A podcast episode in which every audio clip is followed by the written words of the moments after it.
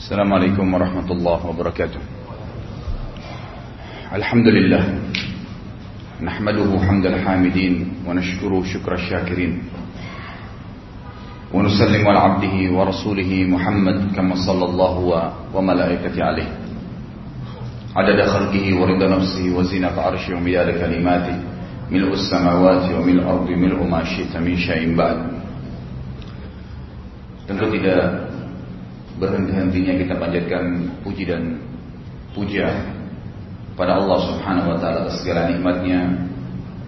Juga kita senantiasa membacakan salawat dan taslim Nabi besar Muhammad sallallahu alaihi wasallam sebagaimana Allah juga malaikat yang memberikan salam kepada beliau sallallahu alaihi wasallam. Melanjutkan tema dosa-dosa besar dari kitab Al-Kabair yang diterjemahkan 76 dosa besar yang dianggap biasa. Dan kita malam ini masuk ke dosa besar 52 menjulurkan pakaian melebihi mata kaki sebagai bentuk keangkuhan dan semacamnya. Seperti biasa sebelum membacakan dalil saya akan menjelaskan terlebih dahulu. Dosa besar ke-52 ini masuk dalam salah satu substansial adab dan tata kerama seorang muslim khususnya masalah pakaian. Ada beberapa poin yang saya ingin diberatkan. Yang pertama adalah Allah Subhanahu wa taala mengatakan dalam Al-Qur'an, "A'udzu billahi minasyaitonir rajim. Bismillahirrahmanirrahim." "Wa libasut taqwa dzalika khair." Allah Azza wa Jalla menyebutkan tentang pakaian dikatakan dan pakaian yang berbau atau terbungkus atau bersifat ketakwaan itu jauh lebih baik. Kata para ulama tafsir yang maksud dengan pakaian takwa di mana Allah memberikan ganjaran pahala bagi yang menggunakan pakaian yang dimaksudkan dan juga Allah Subhanahu wa taala akan menyelamatkan orang-orang yang menggunakan pakaian takwa itu dari hal-hal yang melanggar hukum syar'i atau hukumnya adalah pakaian yang mengikuti tuntunan yang Allah dan Rasulnya telah sampaikan. Tentu kita dibolehkan menggunakan dalam Islam pakaian. Yang penting pakaian itu bertakwa atau berbau ketakwaan tadi. Seperti misalnya tidak memperlihatkan aurat kalau kita membahas tidak memperlihatkan aurat ini, yang paling tinggi pelanggarannya adalah kalau orang tidak menggunakan kain, tidak menggunakan pakaian di anggota tubuh yang dilarang untuk diperlihatkan oleh Allah. Itu tingkat tertinggi dari kelihatannya aurat. Tapi ada tingkatan di bawahnya adalah orang-orang yang menggunakan pakaian tapi tetap memperlihatkan auratnya. Ini juga pelanggaran. Seperti misalnya ada orang menggunakan pakaian yang ketat sekali. Laki-laki atau perempuan. Dia sudah pakai dalam masuk dalam kategori libas, pakai pakaian. Tapi bukan takwa. Tidak ada unsur pahala di situ. Tidak berhubungan dengan apa yang Allah perintahkan. Dengan tidak memperlihatkan aurat. Ternyata dia menggunakan baju ketat. Laki-laki dan perempuan sama hukumnya tidak dibolehkan menggunakan pakaian ketat di hadapan yang bukan mahramnya. Kalau orang menggunakan baju ketat misalnya, seorang muslimah, dia pakai celana legging atau pakai apa saja yang diistilahkan celana jeans atau yang sejenisnya, lalu ketat. Atau seorang dari muslim laki-laki juga sama, menggunakan yang ketat. Atau pakai baju kaos yang ketat sekali sehingga terbentuk badannya laki-laki atau perempuan, sama saja. Maka saya ingin tanya, kira-kira apa bedanya antara dia pakai baju dengan tidak pakai baju? Bedanya hanya di warna saja. Karena bentuk tubuhnya sudah ketahuan. Seorang wanita lewat di depan saya pakai celana jeans yang ketat atau legging yang ketat atau pakai kaos ketat, saya sudah bisa tahu, oh bentuk pahanya seperti ini, betisnya seperti ini, oh dadanya seperti ini. Berarti dia sudah memperlihatkan auratnya Bahkan kata ulama, kemungkinan besar dengan menggunakan lapisan kain yang berwarna-warni pakaian tadi bisa lebih besar fitnahnya. Karena mungkin ada aib-aib di kulitnya yang tertutup. Mungkin ada luka bakar, mungkin ada sesuatu, maka ditutup. Maka itu lebih besar fitnahnya. Maka hikmah yang paling besar dilarangnya memperlihatkan aurat adalah agar seseorang tidak mengundang lawan jenisnya atau sesama jenisnya untuk mengetahui poster tubuh dia yang sebenarnya. Memang seperti itu. Jadi syarat yang pertama atau pakaian dalam Islam adalah libas taqwa, libas yang memang pakaian diikuti dengan ketakwaan kata ulama adalah tidak memperlihatkan aurat yang telah dilarang dalam agama. Kalau perempuan semua tidak boleh kecuali muka dan telapak tangannya. Dari rambut sampai kakinya semua harus ditutup termasuk kaos kaki. Ini sekaligus kita ingatkan banyak di antara muslimat yang pakai jilbab iya, pakai baju iya, bisa ketat salah pelanggaran. Yang paling banyak lebih besar daripada tidak pakai kaos kaki. Kakinya itu adalah auratnya. Apa manfaatnya kalau dilihat setiap orang kita dapat dosa? Gak ada manfaat. Kalau sekali kita tidak pakai jilbab atau pakai terbuka aurat lalu kita jalan di depan orang-orang misalnya, 10 orang yang lihat, ya penjual somai, ya penjual bakso, ya supir taksi, ya siapa saja di busway, di mana melihat setiap orang lawan jenis melihat yang bukan mahramnya dia dapat satu dosa. Kalau dia ke kantor, ketemu 30 orang, 40 orang, 50 orang yang dia tidak punya target untuk ketemu sama mereka, cuma berpapasan, tapi lihat, maka dia dapat dosa dari jumlah orang-orang yang melihatnya. Berapa pasang mata yang melihat dia satu hari pergi dan pulang. Ya. Untuk apa panen dosa kosong seperti ini? Gak ada manfaatnya sama sekali. Memperlihatkan auratnya. Termasuk kaki adalah aurat. Kalau laki-laki adalah pusarnya, perutnya sampai lututnya. Tapi termasuk adab karena Nabi Shallallahu Alaihi Wasallam menutup bagian dadahnya, bagian punggungnya Shallallahu Alaihi Wasallam. Terkadang terlihat sebagian kecil saja, tapi beliau selalu menutup antara perut sampai ke lututnya. Maka berarti itulah patokan aurat laki-laki. Masalah banyak orang menganggap oh kalau disuruh pakaian bertakwa itu mungkin kolot, mungkin ketinggalan zaman, mungkin mungkin beragam macam alasan. Itu semua hanya persepsi kita. Dari mana bisa muncul perasaan Anda bangga kalau pakai jas? Persepsi kita. Kita menganggap jas itu bagus. Persepsinya begitu. Dan kalau yang pakai keren. Karena persepsi itu ada, maka setiap pakai jas kita jalannya lain. Merasa bangga dengan pakaian itu karena persepsi yang kita tanamkan sendiri kan. Kenapa pada saat seorang wanita mengikuti orang non muslim kalau Islam kan perempuan disuruh tutup auratnya, perempuan laki-laki yang masih boleh terbuka karena masih bisa terbuka bagian kepalanya nggak masalah, Mungkin bagian dadanya, punggungnya sebagian kelihatan itu tidak masalah karena bukan aurat bagi laki-laki, tapi adabnya ditutup sampai ke punggungnya kan gitu. Sekarang setiap orang menggunakan baju muslimah misalnya jilbab yang besar dipakai tertutup aurat semua laki-laki yang justru agak terbuka dianggap itu kolot. Tapi kalau kita lihat ya persepsi yang sudah ditanamkan bagaimana orang non muslim pakaiannya keren, pakai jas, laki-lakinya bagaimana? Tertutup semua. Orang kalau pakai jas apanya yang kelihatan? Kepala, muka sama telapak tangan kan? Yang lain tertutup nggak? Baik. Coba lihat perempuannya, bolong semua, bolong di belakang, bolong di kakinya, robek seperti kainnya habisan kain. Tapi persepsinya itu keren. Nah. Persepsi ini yang membuat orang akhirnya menganggap ini yang terbaik. Jadi sebenarnya masalah kita melihat pakaian itu bagus atau tidak, itu dari kita sendiri. Persepsinya saja. Nah kita biasanya melihat libasut takwa, pakaian yang Allah perintahkan ini kayaknya kampungan deh. Koko, pakai kopiah. Kalau perempuan pakai jilbab mungkin tidak tidak corak carik warnanya, tidak warna-warni, itu dianggap kampungan. Padahal persepsi saja. Kan begitu itu persepsi. Termasuk berhubungan dengan masalah libasut takwa yang diperintahkan selain tidak memperlihatkan aurat adalah bagi laki-laki tidak menutup mata kakinya. Oh kalau gitu terangkat dari mata kaki. Bagaimana ya kalau saya ke kantor? Kayaknya ganjil kalau mata kaki saya kelihatan. Ingat, ini persepsi. Bukankah di luar sana ada orang yang pakai celana puntung? Ada nggak? Biasa. Anak-anak muda pakai celana yang cuma sampai di bawah lututnya. Bangga dia jalan di mall.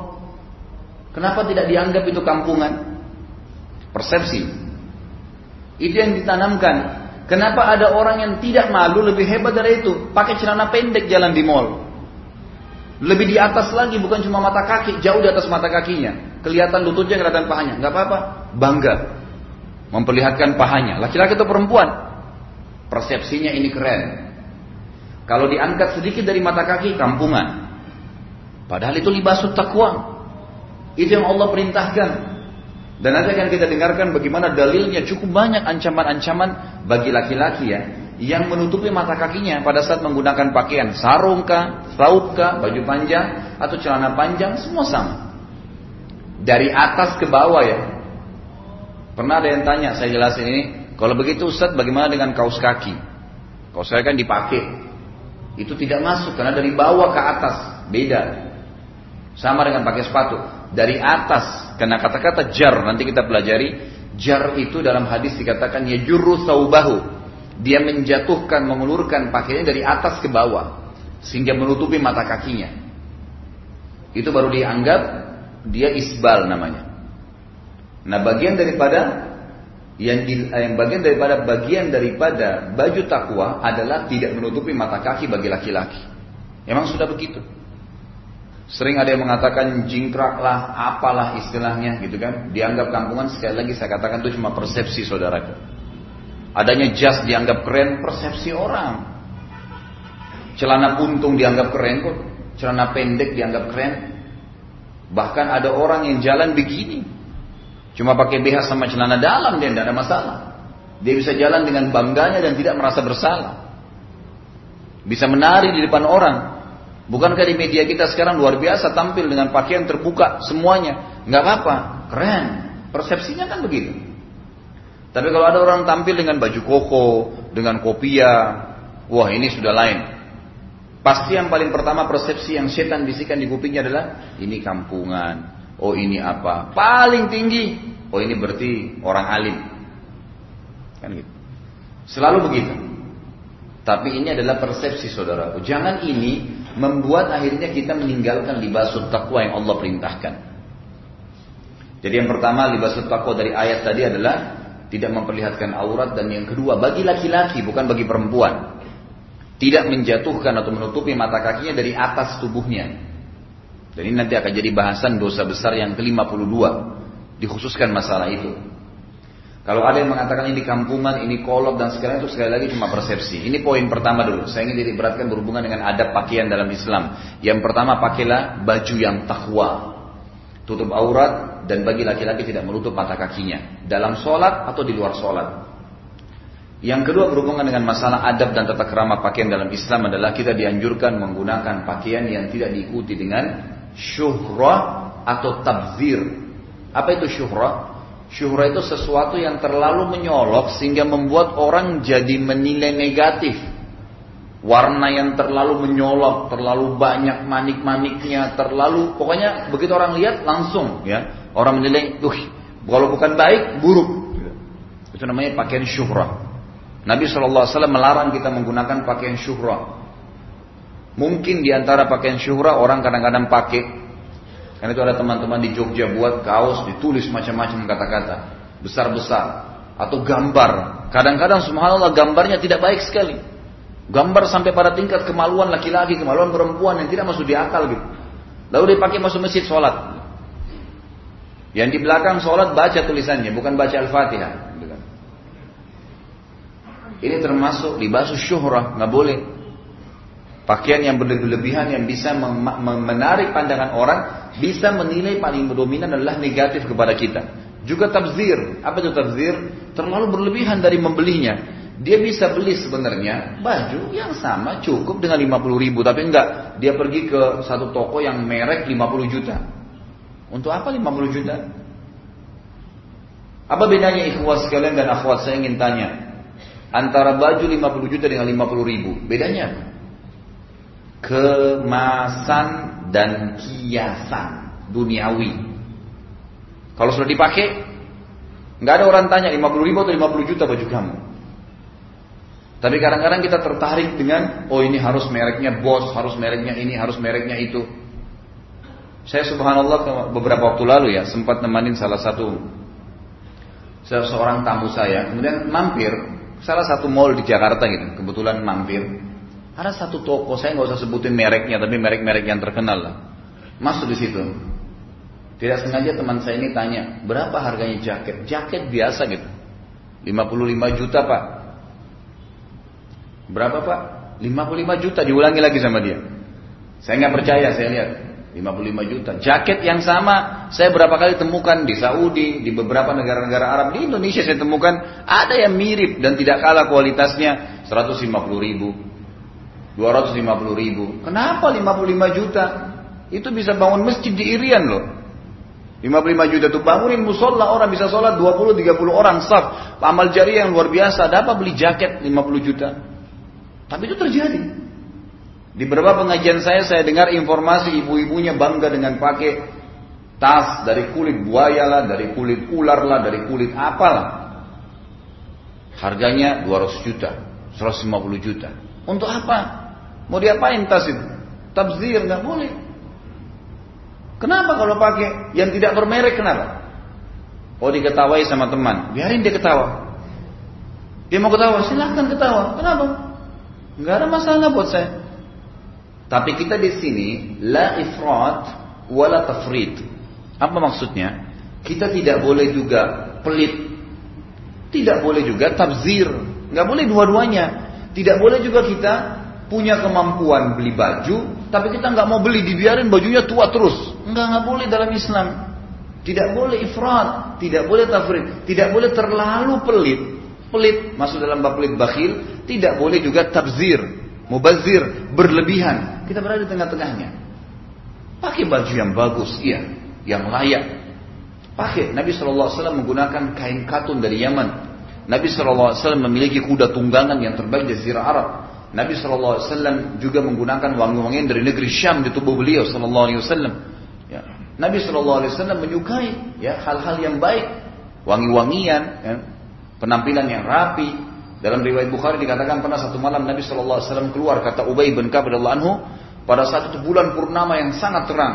Lalu Nabi SAW keluar menggunakan jubah berwarna hitam yang ada bintik-bintik, ada garis-garis hitamnya. Kemudian beliau menyisir dengan rapi rambutnya ke belakang dan kata Ubay bin Ka'ab sebelum Nabi SAW keluar saya lihat ke bulan, saya kagum dengan bulan karena luar biasa terangnya dan menarik sekali untuk dilihat gitu. Waktu Nabi SAW keluar dengan rapi, dengan wangi gitu kan, dengan pakaian yang bagus, saya lihat ke Nabi SAW, maka saya temukan Nabi SAW lebih indah daripada bulan itu. Kita disuruh berpenampilan yang rapi, bersih, kopiannya yang bersih, baju kokonya yang bersih, jilbabnya akhwat kita yang bersih, tapi tidak ada tabzir dan tidak ada bakhil. Enggak, enggak berada, enggak pelit, enggak berlebihan. Kita boleh nikmati. Itu dianjurkan dalam agama Islam. Nabi kita Muhammad SAW bersabda dalam hadis apa? Inna Allah yuhibbu an yara athara ni'amihi al abdi. Allah sangat suka melihat bekas nikmatnya pada hambanya. Tapi dalam koridor tadi, la ifrat wala tafrid. Tidak bakhil, tidak juga berlebihan. Ada orang subhanallah, lemarinya penuh dengan sekian ratus baju. Kadang-kadang karena gengsi sama temannya, malu kalau ke pengajian pakai baju yang sama satu bulan yang lalu. Sekali pakai buang 500 ribu nggak pernah dipakai lagi. Nanti saya lihat sama teman saya. Kenapa kalau dilihat? Anda kalau lihat di YouTube mungkin baju saya sudah sering saya tampil, nggak apa-apa. Kenapa? Masih bagus kok. Tapi saya akan berikan kepada orang, saya akan beli baju baru insya Allah dan saya suka dengan kebersihan karena Islam mengajarkan itu. Tapi bukan berarti kita berlebihan, gitu kan? Sudah punya mobil, oh ya saya butuh mobil buat saya pribadi, anak-anak saya juga butuh satu atau dua mobil baik. Ini 10 mobil untuk apa? Saya pernah masuk salah satu sepupu saya punya teman di Jakarta dipanggil yang masuk datang biasa saja kunjungin gitu. Masuk di garasi mobil mungkin ada 10 atau 12 mobil. Saya tanya sepupu saya ini mobil siapa? Ini mobil dia saja. Untuk apa? Dikoleksi. Untuk apa koleksi mobil? Satu mobil harganya satu masjid loh. 400 juta, 500 juta. Saya tahu, saya lihat dengan mata kepala saya, saya masuk ke hutan-hutan di Irian, Bapak Ibu sekalian, demi Allah, saya masuk, mereka nangis minta dibangunin masjid. Nggak ada duitnya mau bangun masjid. Yang penting ada masjid Ustaz, kami mau sholat. Yang mu'allafnya, yang pendatangnya banyak. Uh, di pelosok-pelosok, di Kalimantan begitu, di mana-mana. butuh di Sulawesi, yang tempat-tempat saya datangin luar biasa gitu.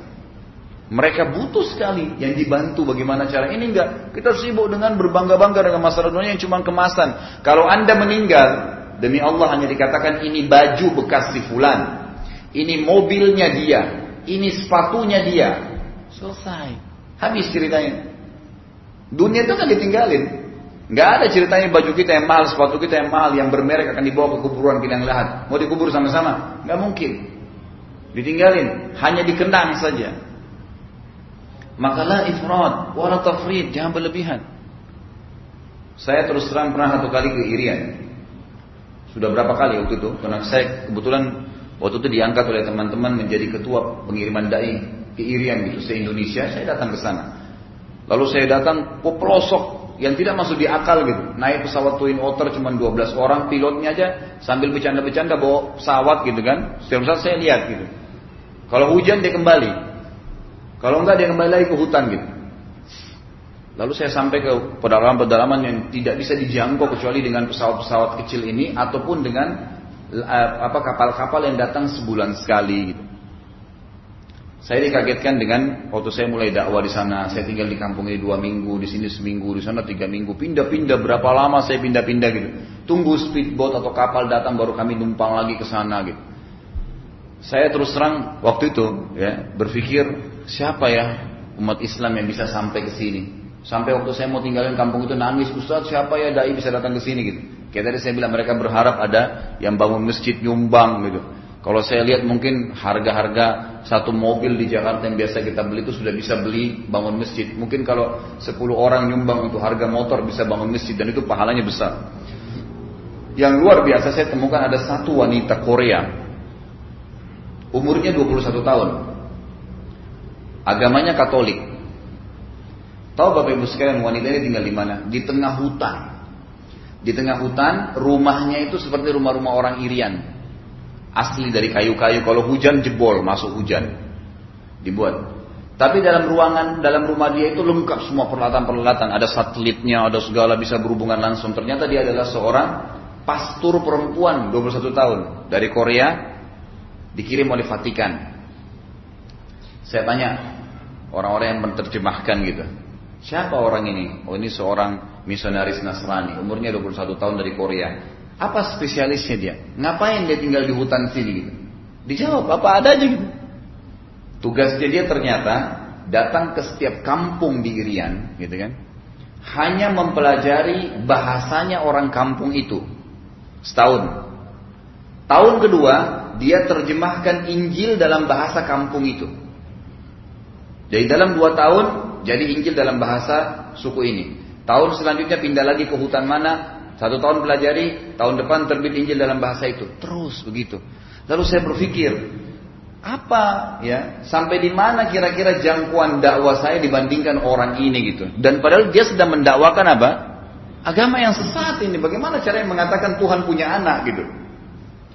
Allah mengatakan telah kafir orang yang mengatakan trinitas. Lakat kafir alladziina qalu inna Allah salisu salasa.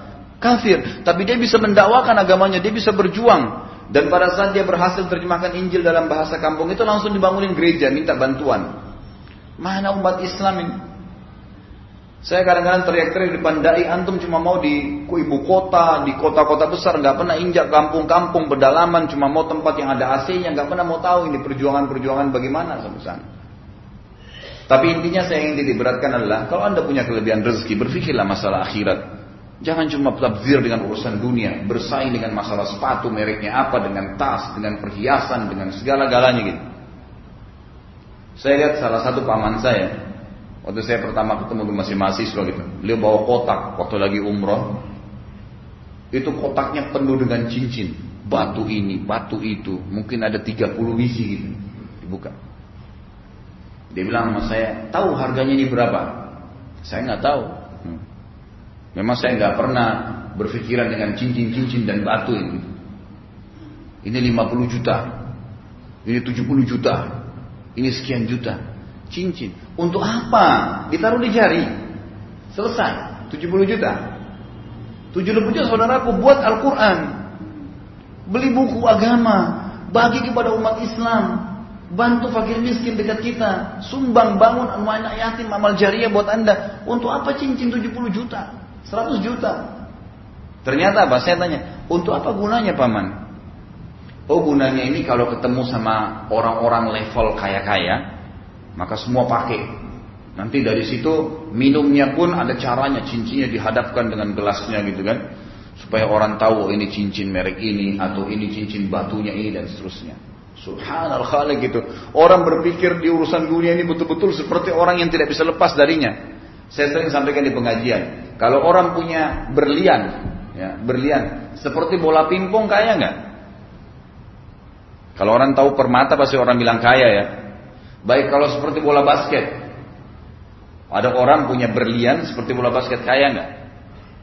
Contoh perhiasan, kita katakan kaya. Ada orang punya tanah seribu kali seribu meter di Menteng, kaya nggak?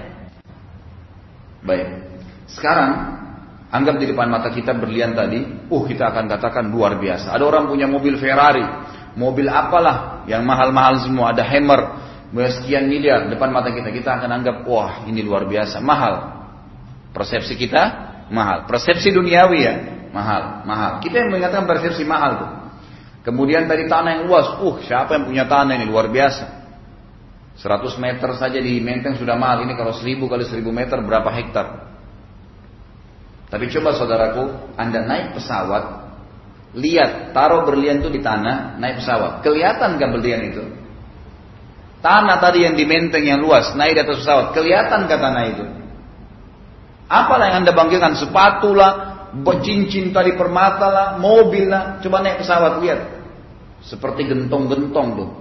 Ya, kalau mobil lagi jalan, coba kalau pesawat mau landing, lihat seperti gentong. Kita nggak bisa bedain yang mana Innova, yang mana ini, yang mana sama aja semua. Jalan begitu saja. Karena memang itu cuma kemasan duniawi memang. Jangan begitu ter, terkungkung dengan masalah duniawi itu. Sampai akhirnya kita menganggap orang kalau tidak pakai mobil seperti kita bukan kelas kita. Sombong mulai. Kata Nabi SAW, tidak akan mencium bau surga. Baunya saja. Tidak akan dicium oleh orang yang dalam hatinya ada seperti biji sawi dari kesombongan. Tidak akan mencium, jangan masuk. Lalu apa yang mau dibanggakan dengan dunia? Toh juga akan ditinggalkan semua. Diambil oleh ahli waris kita. Habis ceritanya. Ingat, cuma akan dikatakan ini dulu punyanya Fulan. Ini dulu sepatunya dia. Bajunya dia dan seterusnya. Maka jangan berlebihan. Baik. Poin yang kedua yang saya katakan tadi masalah pakaian adalah kita boleh pakai baju. Silahkan. Dalam Islam disuruh. Ada doa pakai baju baru. Ada. Dan tidak ada doa pakai baju lama. Artinya kita disuruh pakai baju baru. Silahkan. Tapi la ifrat wala tafrid. Tidak tabzir. Tidak juga pelit.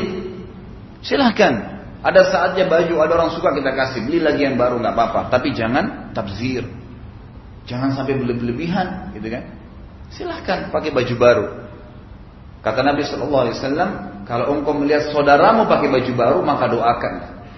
Ilbis jadidan. Semoga kau selalu pakai baju baru. Wa ish hamidan. Dan semoga hidupmu selalu mulia. Wa mud syahidan. Dan semoga pada saat kau mati, kau mati syahid. Doain saudara kita berdoa atau, atau dia pakai baju baru. Artinya kata ulama hadis ada motivasi untuk pakai baju baru dalam Islam silahkan, nggak masalah. Nabi Shallallahu Alaihi Wasallam kalau memiliki tunggangan baru, unta baru, sap, apa, kuda baru, beliau selalu memegang ubun-ubunnya sambil berkata, Allahumma inni as'aluka khairahu wa khaira ma wa khairahu wa khaira ma khairahu atau khairaha. Biasanya kalau nafa ya kalau unta di dalam doa itu karena Nabi SAW punya unta betina Allahumma inni as'aluka khairaha wa khaira ma jubilta wa a'udzubika min syarriha wa syarri ma jubilta Ya Allah, aku meminta kebaikannya dan kebaikan yang telah engkau bebankan pada hewan ini. Kata ulama disunnahkan kita malah sekarang kalau beli mobil baru sama. Megang kap depannya lalu kita baca doa. Karena Nabi SAW pegang ubun-ubun hewannya. Dan saya menjauhkan diri dari keburukannya dan keburukan yang engkau bebankan padanya. Ada doanya. Kalau memiliki kendaraan baru, memiliki baju baru, silahkan tidak masalah. Tapi jangan sampai berlebihan. Gitu kan. Jangan sampai berlebihan. Gitu kan. Jadi ini poin-poin yang berhubungan dengan masalah pakaian tadi. Jadi yang pertama kita dahulukan pakaian libasut takwa dengan tidak menekan aurat dan juga tidak isbal bagi laki-laki, tidak menutup mata kakinya. Dan ini perintah Allah. Masalah persepsi negatif, masalah celana tadi tutup mata kaki itu berlebihan lah apalah, itu kena persepsinya saja. Kemudian yang kedua kita boleh dalam Islam pakai baju baru boleh. kendaraan baru boleh. Yang bagus juga nggak masalah. Tapi berada tidak tabzir, ya, tidak pelik berlebihan dan juga tidak pelit. Baik beliau memfokuskan dalam bahasan dosa besar ke-52 ini adalah menjulurkan pakaian melebihi mata kaki, tapi ini saya katakan tadi khusus masalah laki-laki. Kalau perempuan malah harus tutup karena kakinya termasuk auratnya. Termasuk auratnya.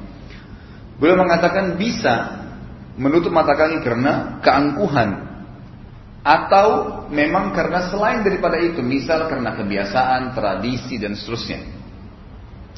Beliau mulai mengangkat di dalam surah Luqman ayat 18 umumnya orang kadang-kadang kalau menutup mata umumnya orang menutup mata kaki laki-laki itu biasanya kalau bukan karena tradisi ada karena merasa sifat bangga atau sombong. Allah mengatakan wala tamshi fil ardi maraha. Dan jangan janganlah kamu berjalan di muka bumi dalam keadaan angkuh. Nanti kalau bertanya jangan tanya lagi Ustadz kalau orang tutup mata kaki tapi tidak sombong bagaimana? Sama saja. Kalau sombong double, ada ada ada melanggar tutup mata kakinya dan ditambah lagi dengan sombongnya. Nabi SAW bersabda dalam hadis yang diriwayatkan oleh Imam Bukhari dalam Kitabul Libas, "Ma asfala minal ka'baini minal izari fa finnar." Sarung atau pakaian yang lebih dari mata kaki maka adalah di api neraka. Maksudnya orangnya bisa masuk dalam neraka. Dan sudah kita jelaskan Sebab dimasukkan oleh Imam Az-Zahabi dalam dosa besar karena dosa besar adalah semua ancaman, semua larangan yang diikuti dengan ancaman. Gitu kan? Dan tolong jangan lagi memenangkan setan dalam hati kita. Masa sih? Kenapa sih? Itu selalu setan buat. Sehingga kita selalu menolak. Kalau anda datang ke dalam majelis kita ini tujuannya untuk menolak, lebih baik tidak usah hadir. Tapi kalau anda niatnya mau menerima silahkan, mau pertimbangkan silahkan. Karena ini ilmu yang disampaikan, bukan perkataan saya. Allah berfirman, Rasulullah SAW bersabda, mau jadi muslim yang benar terapkan hukum Allah SWT. Dan tepis semua persepsi yang menganggap libasut takwa itu jadi jelek. Atau pakaian bertakwa atau ketakwaan tadi jelek gitu kan. Semua termasuk di antaranya tadi ini. Sampai ada yang pernah bilang sama saya, Ustaz, gimana ya pemandangannya kalau saya pergi undangan perkawinan terus celana saya jingkrak. Gitu kan? Saya bilang Anda mau indah dipandang di mata manusia itu di mana di mata Allah. Kalau emang Anda mukmin, Anda akan tahu di mata Allah Subhanahu wa taala bagaimana kita akan indah di mata Allah, bukan di mata manusia. Karena itu cuma persepsi saja. Kemudian dalam hadis yang lain juga dikatakan diriwayatkan Imam Bukhari dalam Kitabul Libas sama cuma beda nomor hadis saja, la yanzurullahu ila man jarra izarahu batara. Allah tidak akan melihat kepada orang yang menjulurkan kainnya melebihi mata kaki karena kesombongan. Jadi tadi kalau larangan pertama adalah semua mutlak yang menutup mata kakinya. Kalau sekarang diikuti kalau diikuti dengan sifat sombong ditambah lagi selain masuk neraka Allah tidak akan melihatnya. Sudah saya pernah jelaskan bagaimana memahami hadis Nabi kalau dikatakan la yanzur Allah tidak lihat. Apa kira-kira efeknya kepada kita kalau Allah tidak lihat? Saya sudah kasih contoh itu hari. Kalau Anda diundang oleh seseorang ke rumahnya, banyak orang, ada 20 orang, 30 orang diundang. Semua orang diajak ngomong oleh yang undang. Diajak ngomong, ditawarin makan, ditawarin minum, dikasih hadiah. Anda sendiri yang tidak. Kira-kira bagaimana rasanya? Ini contoh rasional. Hari kiamat nanti Allah tidak akan lihat, Allah tidak akan ajak ngomong. Itu artinya karena orang pada saat sudah tahu ini adalah Allah Rasulnya Tuhan dan Allah yang sedang menghakimi. Sebagaimana sabda Nabi Shallallahu Alaihi Wasallam, kalian akan melihat Tuhan kalian pertama kalinya di mahsyar dalam gambar atau bentuk seperti bulan purnama yang terang dan tidak ada seorang pun di antara kalian yang berbicara dengan Tuhannya sementara ada penterjemah di antara mereka. Allah faham semua bahasa. Kita akan Allah Allah Allah SWT akan mengatakan kau telah buat begini, kau telah buat begini, kau telah buat begini. Diajak ngobrol, kenapa kau buat, kenapa kau begini? Ini faktanya berdua dialog dengan Allah SWT. Tapi ada orang-orang yang tidak diajak bicara sama Allah. Ada orang yang tidak diajak bicara, tidak mau dilihat, enggak dia bingung mau ke mana nih. Enggak ada itu di mahsyar maka di antaranya adalah orang-orang yang sengaja menurunkan mata kakinya atau menurunkan pakaian menutup mata kakinya. Untuk apa? Apa masalahnya? Sekali lagi tepis persepsi itu. Sama yang pernah saya bilang ya. Banyak dia orang di antara kita subhanallah hidup dalam kehidupan dunia ini dibung, dia kurung dirinya di bingkai kehidupan yang dia buat sendiri. Sering saya ucapkan contoh kan. Masih ingat? Kalau saya tidak minum kopi pagi hari kepala saya pusing. Kalau nggak ada kopi pusing betul. Gitu kan? Saya kalau tidak nikah sama orang ini saya bisa gila, gila benar gitu kan. Nggak perlu semua itu. Nggak perlu, jangan jangan jangan kurung diri kita di bingkai hidup kehidupan yang kita buat sendiri, nggak ada. Orang mukmin itu bertawakal kepada Allah. Ada makanan, alhamdulillah. Tidak ada makanan ya sudah cari, ikhtiar. Dapat rezeki tidak, mau keluar hujan ya sudah tunggu. Terima takdir Allah. Setelah hujan baru keluar atau tidak ikhtiar, pakai payung dan seterusnya. Jadi terima semuanya, jadi mudah dalam kehidupan dia. Sama halnya begitu. Kalau saya kalau saya nanti pakai baju begini bagaimana ya? Kalau saya tidak pakai baju begini nanti bagaimana? Terkurung di bingkai hidup yang dia buat sendiri sebenarnya. Kemudian kata Nabi SAW dalam hadis yang luar biasa. Ini dalam kitab riwayat Imam Muslim dalam kitabul Iman. Dan juga Abu Dawud dalam kitabul Libas. Imam Tirmidzi dalam kitabul Buyu. Ini semua dengan hadis yang sahih. Kemudian An-Nasai dalam kitabul Buyu juga. Disebutkan bahwasanya Nabi SAW bersabda. Thalathatun la yanzurullahu ilaihim yawmal qiyamah. Wa la yuzakkihim. Wa lahum azabun alim. Al-musbilu wal mannan wal munfiku sil'atahu bil halifil kadhib. Ada tiga orang yang mana Allah tidak akan melihat mereka pada hari kiamat. Allah Azza wa Jal, satu-satunya Tuhan yang akan diakui pada saat itu tidak tidak melihat dia. Kemudian tidak akan mensucikan mereka dari dosa. Artinya pada saat ditimbang amalnya, dosanya lebih berat daripada pahalanya tidak dihapusin. Misal dosanya 200, pahalanya 90. Semestinya dia kalau masuk surga harus dosanya lebih sedikit. Bisa saja Allah maafin, gitu kan? Kalau Allah maafin misalnya 100 dosa, maka dia dari 200 bisa 100 atau dia maafin 150 dosa misalnya. Maka pahalanya 90 lebih banyak bisa masuk surga. Bisa dimaafin. Namanya tazkiyah. Allah SWT yuzakkihim. Tapi di sini Allah tidak akan menolong mereka. Kalaupun dosanya lebih banyak dibiarin sama Allah. Tidak akan dilihat, tidak akan ditolong oleh Allah pada saat timbangan mereka lebih berat dosanya. Dan mereka akan mendapatkan azab yang pedih. Yang pertama dari tiga orang tersebut adalah al-musbil. Orang yang menurunkan pakaiannya menutupi mata kakinya dari kaum laki-laki. Yang kedua al-mannan, orang yang suka nyebut-nyebut kebaikan yang sudah dia lakukan sama orang lain. Saya sudah bantu kamu sekian tahun, saya kan sudah kasih kamu minggu lalu. Subhanallah, menan, nggak boleh. Udah kasih orang karena Allah, bukan karena dia. Nggak usah disebut-sebut. Sebut-sebut ini bagian dari dosa besar. Menan, ini, ini kalau yang pegang bukunya ada di sini. Saya lupa dosa besar keberapa dan memang dosa besar khusus namanya menan menyebut-nyebut kebaikan yang pernah kita lakukan pada orang lain. Dan ini kalau disebut-sebut kebaikan yang memang Allah sendiri titipkan haknya orang lain pada harta kita, maka dia termasuk orang yang tidak akan diajak bicara oleh Allah, tidak akan dilihat dan tidak akan dan dia akan akan akan mendapatkan adab yang pedih. Dan yang ketiga adalah seorang pedagang atau seseorang yang melariskan barang dagangannya dengan sumpah palsu. Demi Allah belum sampai modalnya, padahal sudah untung 30%. Bohong, untuk apa? Untuk apa bohong itu? Apa manfaatnya? Gak ada manfaatnya sama sekali. Kadang-kadang subhanallah dengan dia bohong, dia pikir dia bisa dapat pembeli tersebut, ternyata nggak jadi. Kalaupun pembelinya jadi beli, maka komplain, ribut, kembalikan barang, jadi masalah. Bohongan akan datangkan madarat yang besar. Jujur, maka akan aman.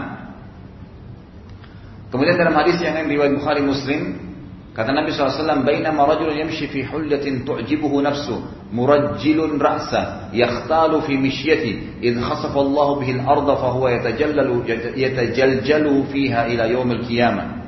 Sebagian ulama mengatakan ini terjadi pada saat ya, Bani Israel dulu. Ada juga yang mengatakan ulama hadis ini terjadi di umat Muhammad SAW. Kata Nabi SAW, ada seorang laki-laki yang sedang berjalan memakai pakaian yang membuatnya bangga dan sombong dengan kepala ya yang diangkat tinggi. Ya, rambutnya disisir. Kalau di sini diterjemahkan dengan rambut yang digondrongkan, kemudian dia bangga dengan rambutnya yang panjang itu. Dan dengan angku dia berjalan, tiba-tiba Allah menenggelamkannya ke dalam tanah dan dia terus meronta-ronta dalam tanah tersebut pada hari kiamat. Artinya dia sombong dengan pakaiannya. Kemudian dikatakan dalam hadis riwayat Abu Dawud dengan isnad yang sahih kata Nabi sallallahu alaihi wasallam al-isbalu fil izari wal qamisi wal imamah wa man jarra minha syai'an khuyala lam yanzurullahu ilaihi yaumal qiyamah. Isbal itu terjadi pada sarung, baju dan surban.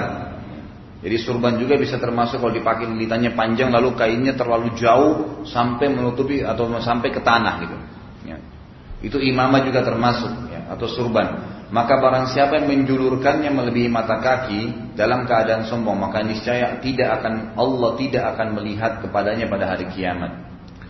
Kemudian Jabir bin Salim berkata bahwasanya Rasulullah SAW bersabda dalam hadis Sahih riwayat Tirmidzi, "Iyyaka wa isbalul izari fa inna minal makhyalah wa inna Allah la yuhibbul makhyalah." Jauhilah olehmu perbuatan memanjangkan pakaian melebihi mata kaki karena itu termasuk sifat-sifatnya orang yang biasa angkuh dan sesungguhnya Allah tidak menyukai orang-orang yang angkuh. Kata ulama hadis, kalau orang malah mengangkat celananya atau pakaian di atas mata kakinya bagi laki-laki, maka dengan sendirinya ada ke ke kerendahan hati atau kerendahan uh, merasa diri lebih rendah atau merendah di mata Allah dalam hatinya dengan sendirinya. Dan itu subhanallah sudah alami Allah SWT berikan sebagaimana dalam atau pemahaman dalam hadis ini. Dan dikatakan juga dalam hadis yang lain, bainama rajulun yusalli musbilan izarahu qala lahu Rasulullah SAW idhab fatawadda fadhahab fatawadda thumma ja' فقال اذهب فتوضأ فقال فقال له رجل يا رسول الله ما لك أمرته أن يتوضأ ثم سك ثم سكت عنه قال إنه كان يصلي وهو مسبل إزارة وإن الله لا يقبل صلاة رجل مسبل Hadis ini sebelum saya terjemahkan menegur orang-orang atau kaum muslimin laki-laki yang sholat eh, sambil mata kakinya tertutup. Kalau tadi larangan umum ya, menutup mata kaki walaupun di luar, tapi ini dalam sholat maka bisa membatalkan sholatnya. Hadis yang diriwayatkan Imam, Imam Abu Daud dengan syarat yang disahihkan oleh Imam Muslim sesuai dengan syarat Imam Muslim. Kata Nabi kata dalam hadis ini dikatakan ketika seorang laki-laki sedang sholat dan sarungnya isbal panjang menutup mata kakinya maka pada saat selesai sholat Rasulullah SAW berkata padanya Pergilah lalu berwudulah. Maksudnya ulangi sholatmu. Maka orang itu pun pergi lalu berwudu Lalu kembali lagi. Dan beliau bersabda Maksudnya sholat lagi ya? Setelah sholat Nabi SAW ingatkan lagi Pergilah berwudulah. Maksudnya perulangi lagi sholatmu yang kedua kalinya. Orang itu lalu berkata kepada beliau Ya Rasulullah Kenapa anda memerintahkannya? Atau ada seorang laki-laki datang mengatakan Ya Rasulullah Kenapa anda memerintahkan dia untuk uduk lagi Lalu sholat lagi? Gitu kan Lalu kata Nabi Shallallahu Alaihi Wasallam, hal itu karena dia sholat dalam keadaan sarungnya isbal dan sesungguhnya Allah tidak menerima sholat seorang laki-laki yang pakaiannya isbal. Jadi sholatnya tidak sah kalau mata kakinya tertutup. Dalam hadis yang lain riwayat Bukhari kata Nabi SAW menjarra thawbahu yala la yanzurullah ilaihi yawmal qiyamah faqala Abu Bakar radhiyallahu ya Rasulullah inna izari yastarhi illa an ata'ahada faqala innaka lasta mimman yaf'aluhu khuyala Barang siapa yang menjulurkan kata Nabi SAW sarungnya atau pakainya melebihi mata kakinya dalam keadaan angkuh maka Allah tidak akan melihat kepadanya pada hari kiamat. Maka Abu Bakar sahabat Nabi radhiallahu berkata ya Rasulullah sesungguhnya kain sarungku sering melorot. Kata ulama hadis Abu Bakar radhiallahu orangnya kurus sekali. Jadi kalau beliau pakai sarung sering melorot dalam keadaan sholat ya, gitu kan? Dalam keadaan sholat. Lalu kecuali kalau kata beliau sarungku selalu melorot kecuali kalau aku terus menjaganya, memegangnya, maka beliau bersabda kepada Abu Bakar, sungguhnya kamu tidak termasuk orang-orang yang melakukannya karena angkuh. Artinya, kalau orang tidak sengaja, itu keadaannya begitu, maka tidak termasuk dalam hal yang dilarang tadi. Kemudian kata Nabi Shallallahu Alaihi Wasallam, izratul mu'mini ila ansafi saqi atau saqaihi. Ini diriwayatkan oleh Abu Dawud dalam Kitabul Libas. Sarung atau pakaian yang paling baik bagi laki-laki adalah sampai ke tengah betisnya. Kalau sekarang mungkin umum orang pakai celana puntung ya. Itu umumnya. Yang penting intinya adalah di atas mata kakinya. Kemudian dua hadis yang tersisa adalah hadis Nabi SAW di Abu Daud dengan sanad yang sahih izratul muslimi ila nisfi saq wala haraj aw la junafi ma bainahu wa bainal ka'bain kana asfal min al-ka'bain fa huwa fi nar wa man jarra izara bataran lam yandurullahu ilaihi jadi ayat di sini sebelum saya terjemahkan menjawab apakah nanti sombong atau tidak termasuk dalam larangan Baik, mohon maaf saya baca hadisnya saya, saya selesaikan. Sarung atau pakaian seorang mukmin adalah sampai setengah betis yang paling baik. Tapi tidak apa-apa kalau seandainya itu tidak dosanya kalau dia biarkan antara mata kakinya, antara mata kaki dengan di atasnya sedikit. Sedangkan yang di bawah mata kaki itu adalah di neraka. Ini maksudnya larangan, jelas musbil masuk neraka. Dan barang siapa yang menjulurkan sarungnya dalam keadaan sombong, tambah lagi dengan sombongan, maka Allah tidak akan melihatnya pada hari kiamat. Dan terakhir adalah marartu ala Rasulillah SAW wa fi izari istirkha, faqala ya Abdullah irfa izaraka farafa'tu, thumma qala zid, fazidtu, fama ziltu ataharraha ba'd. Dia tutup dengan hadis ini terakhir. Aku pernah lewat di hadapan Nabi SAW kata Abdullah bin Umar dan sarungku sedikit melorot ke bawah dan beliau bersabda Hai Abdullah angkatlah sarungmu maka aku pun mengangkatnya kemudian beliau bersabda angkat lagi ke atas lalu aku mengangkatnya lebih tinggi dan aku senantiasa mencermatinya setelah itu artinya aku tidak pernah meninggalkannya setelah itu Allah alam kita lanjutkan insyaallah pertanyaan setelah Isya. Subhanakallahumma bihamdika asyhadu an la ilaha illa. Wassalamualaikum warahmatullahi wabarakatuh.